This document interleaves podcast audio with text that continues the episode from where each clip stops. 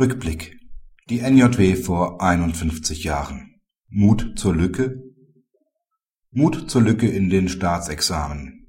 Die Konkurrenzen im Strafrecht laden sicherlich zu dieser Frage ein, sind sie doch alles andere als beliebt bei Studenten und Referendaren. So sehr in der JUS 2004 Seite 392. Hilfreich ist es jedenfalls, wenn man die BGH-Rechtsprechung zu diesem Themenbereich kennt.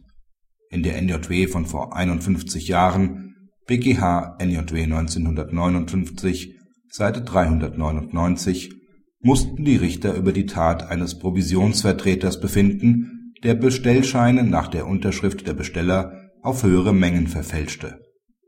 Der BGH bekam hier unter anderem die Gelegenheit zu dem Konkurrenzverhältnis zweier Betrugsfälle zu Lasten des Auftraggebers bzw. zu Lasten des Bestellers, einer Urkundenfälschung und einer etwaigen Untreue Stellung zu nehmen dass bereits im Vorbereitungsstadium einer Straftat Konkurrenzen zum Problem werden können, beweist die in diesem Heft auf Seite 623 abgedruckte BGH-Entscheidung.